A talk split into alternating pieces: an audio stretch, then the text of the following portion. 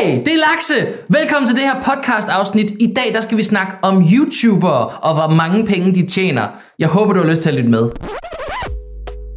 For ja, i det her afsnit af Moneypedia, der joiner lakserytter nemlig og fortæller om de reklamevideoer, han laver, som han altså tjener penge på.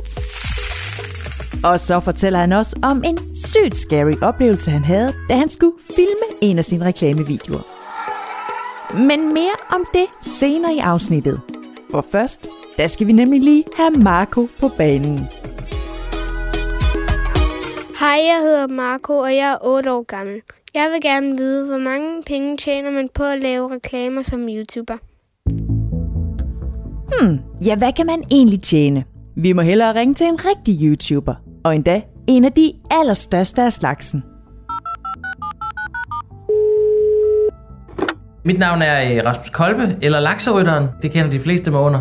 Jeg er 30 år gammel, og jeg er nok...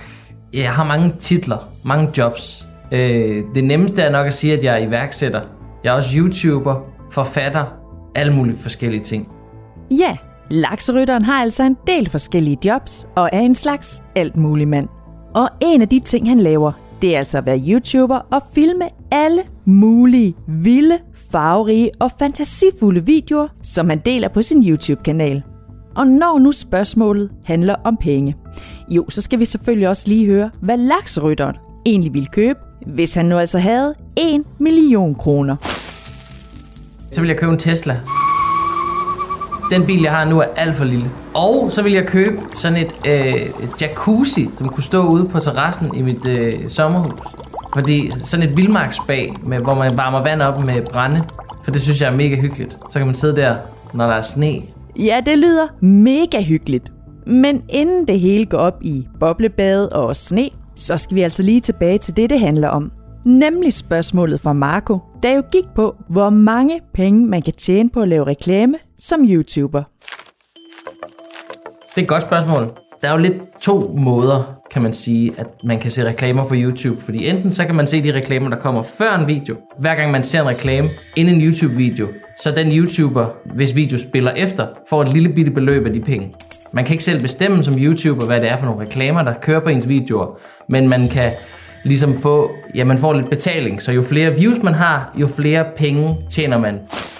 Og den anden måde at lave reklamer på, det er jo så, når YouTuberne indgår et samarbejde med en eller anden virksomhed. Jeg har fx lavet reklamer for Netflix, postkatusser, Lego, alle mulige forskellige firmaer, som betaler mig for, at jeg laver en video, der handler om deres produkt eller om deres budskab, det de gerne vil fortælle til mine følgere. Okay, så de reklamer, der ligger inden en YouTube-video, dem bestemmer YouTube altså over. Mens de reklamevideoer, som lakserytteren laver for forskellige firmaer og efterfølgende deler med de flere end 80.000 subscribers på sin YouTube-kanal, dem bestemmer han altså selv over og tjener også penge på. Og spørgsmålet er jo så derfor bare, hvor mange penge lakserytteren så egentlig tjener på at lave de her reklamevideoer. Nu er det ikke mig selv, der sidder og laver alle de her aftaler, når jeg laver reklamer. De fleste YouTubere, de har et agency med nogle andre voksne, hvis arbejde det ligesom er at lave de her gode reklamer. Finde de rigtige kunder og lave de rigtige samarbejder. Så jeg ved, at mit agency, de har sådan en pakkepris, kan man sige, hvor det koster om 75.000 at samarbejde med lakserytteren. 75.000 kroner. Det er altså det beløb, man som firma skal betale, hvis man gerne vil arbejde sammen med lakserytteren. Men hvad er det så egentlig, man får for de 75.000 kroner, som det jo altså koster? For 75.000, der får man en YouTube-video, en TikTok-video, en Instagram-story og et Instagram-post. Så man får fire forskellige ting, som jeg deler. Hey, YouTube, det er Lakse, og det her, det bliver en super video. Men selvom lakserytteren altså får 75.000 kroner for at lave en reklamevideo, så kan han altså ikke bare putte dem alle sammen ind på sin egen bankkonto eller i sin sparegris. Nej, for filmer man YouTube-videoer, som dem lakserytteren laver, ja, så koster det faktisk også penge. Og hvordan det så hænger sammen, jo, det kræver lige en lille smule forklaring. Nu begynder det store regnestykke. Fordi jeg får ikke alle de penge. Selvom at det lyder som mange penge, fordi 75.000, det er rigtig mange penge. Men alle de penge bliver ligesom mindre og mindre og mindre, fordi der er en masse udgifter forbundet ved at lave YouTube. Jeg klipper ikke mine egne videoer, jeg filmer dem heller ikke selv. Det gør min kameramand Mark. Så vi er mange, der samarbejder om at lave nogle rigtig gode YouTube-videoer. Og det koster selvfølgelig penge. Men selvom man måske var et firma, der havde alle penge i hele verden, ja, så er det altså ikke ens betydende med, at man så også kunne få lakserytteren til at lave en reklamevideo for sig. Tværtimod faktisk, for tit og ofte siger han nemlig nej tak til at lave reklamer. Hver evig eneste måned, så siger jeg nej til rigtig mange firmaer, som gerne vil lave reklamer med lakserytteren. Og det kan være alle mulige forskellige ting. Nogle gange er det fordi, jeg synes, at det er et dårligt produkt, eller noget, jeg synes er kedeligt. Og nogle gange synes jeg også bare, at det slet ikke passer til min kanal. Men altså, der er masser af ting, jeg ikke vil lave reklame for. Det kunne for eksempel være våbenhandel, eller jeg synes, jeg er heller ikke så stor fan af sådan noget proteinpulver og vitaminkurer og sådan nogle ting. Så altså, hvis et produkt ikke passer til lakserytterens kanal eller hans målgruppe, altså dem, der ser med, så bliver det altså et pænt nej tak til at samarbejde med lakserytteren. Nå, men når der så rent faktisk skal laves en reklamevideo, hvordan er det så lige, at lakserytteren finder på sin videoer, så de altså bliver de absolut fedeste at klikke på og se? For det meste, så sætter jeg mig ned sammen med min kameramand Mark, og så brainstormer vi lidt på, hvad der kunne være en fed video at lave. Hvis man er barn og er på YouTube, så ved I godt, at thumbnail, det er meget vigtigt. Det her lille billede, man klikker på. Det skal se mega spændende ud, og så skal titlen også være mega spændende. Det skal være noget, der gør en helt nysgerrig, så man ikke kan lade være med at klikke på den. Det kedeligste i verden, det er en kedelig madpakke. Derfor så skal vi lave madpakkekunst. Det er faktisk ret vigtigt, og det er noget af det første, vi starter med, når vi laver en ny video, er at tænke over, hvordan skal vi lave det her lille billede og titlen, så det er noget, man synes lyder mega spændende. Så thumbnailen, altså det lille billede, man klikker på for at se videoen. Det er sammen med titlen på videoen noget af det allerførste, lakserytteren får på plads. Men hvad så derefter?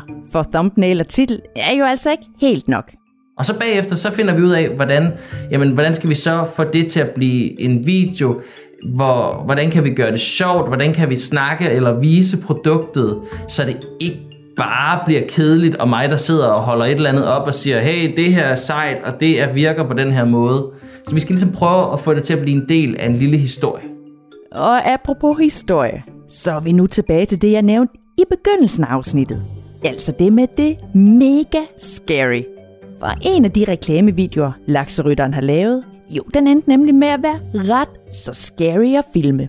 Den foregik nemlig på et elgammelt slot midt om natten. Vi filmede på et gammelt slot op i Nordjylland, som efter sine skulle være det mest hjemsøgte sted i Danmark.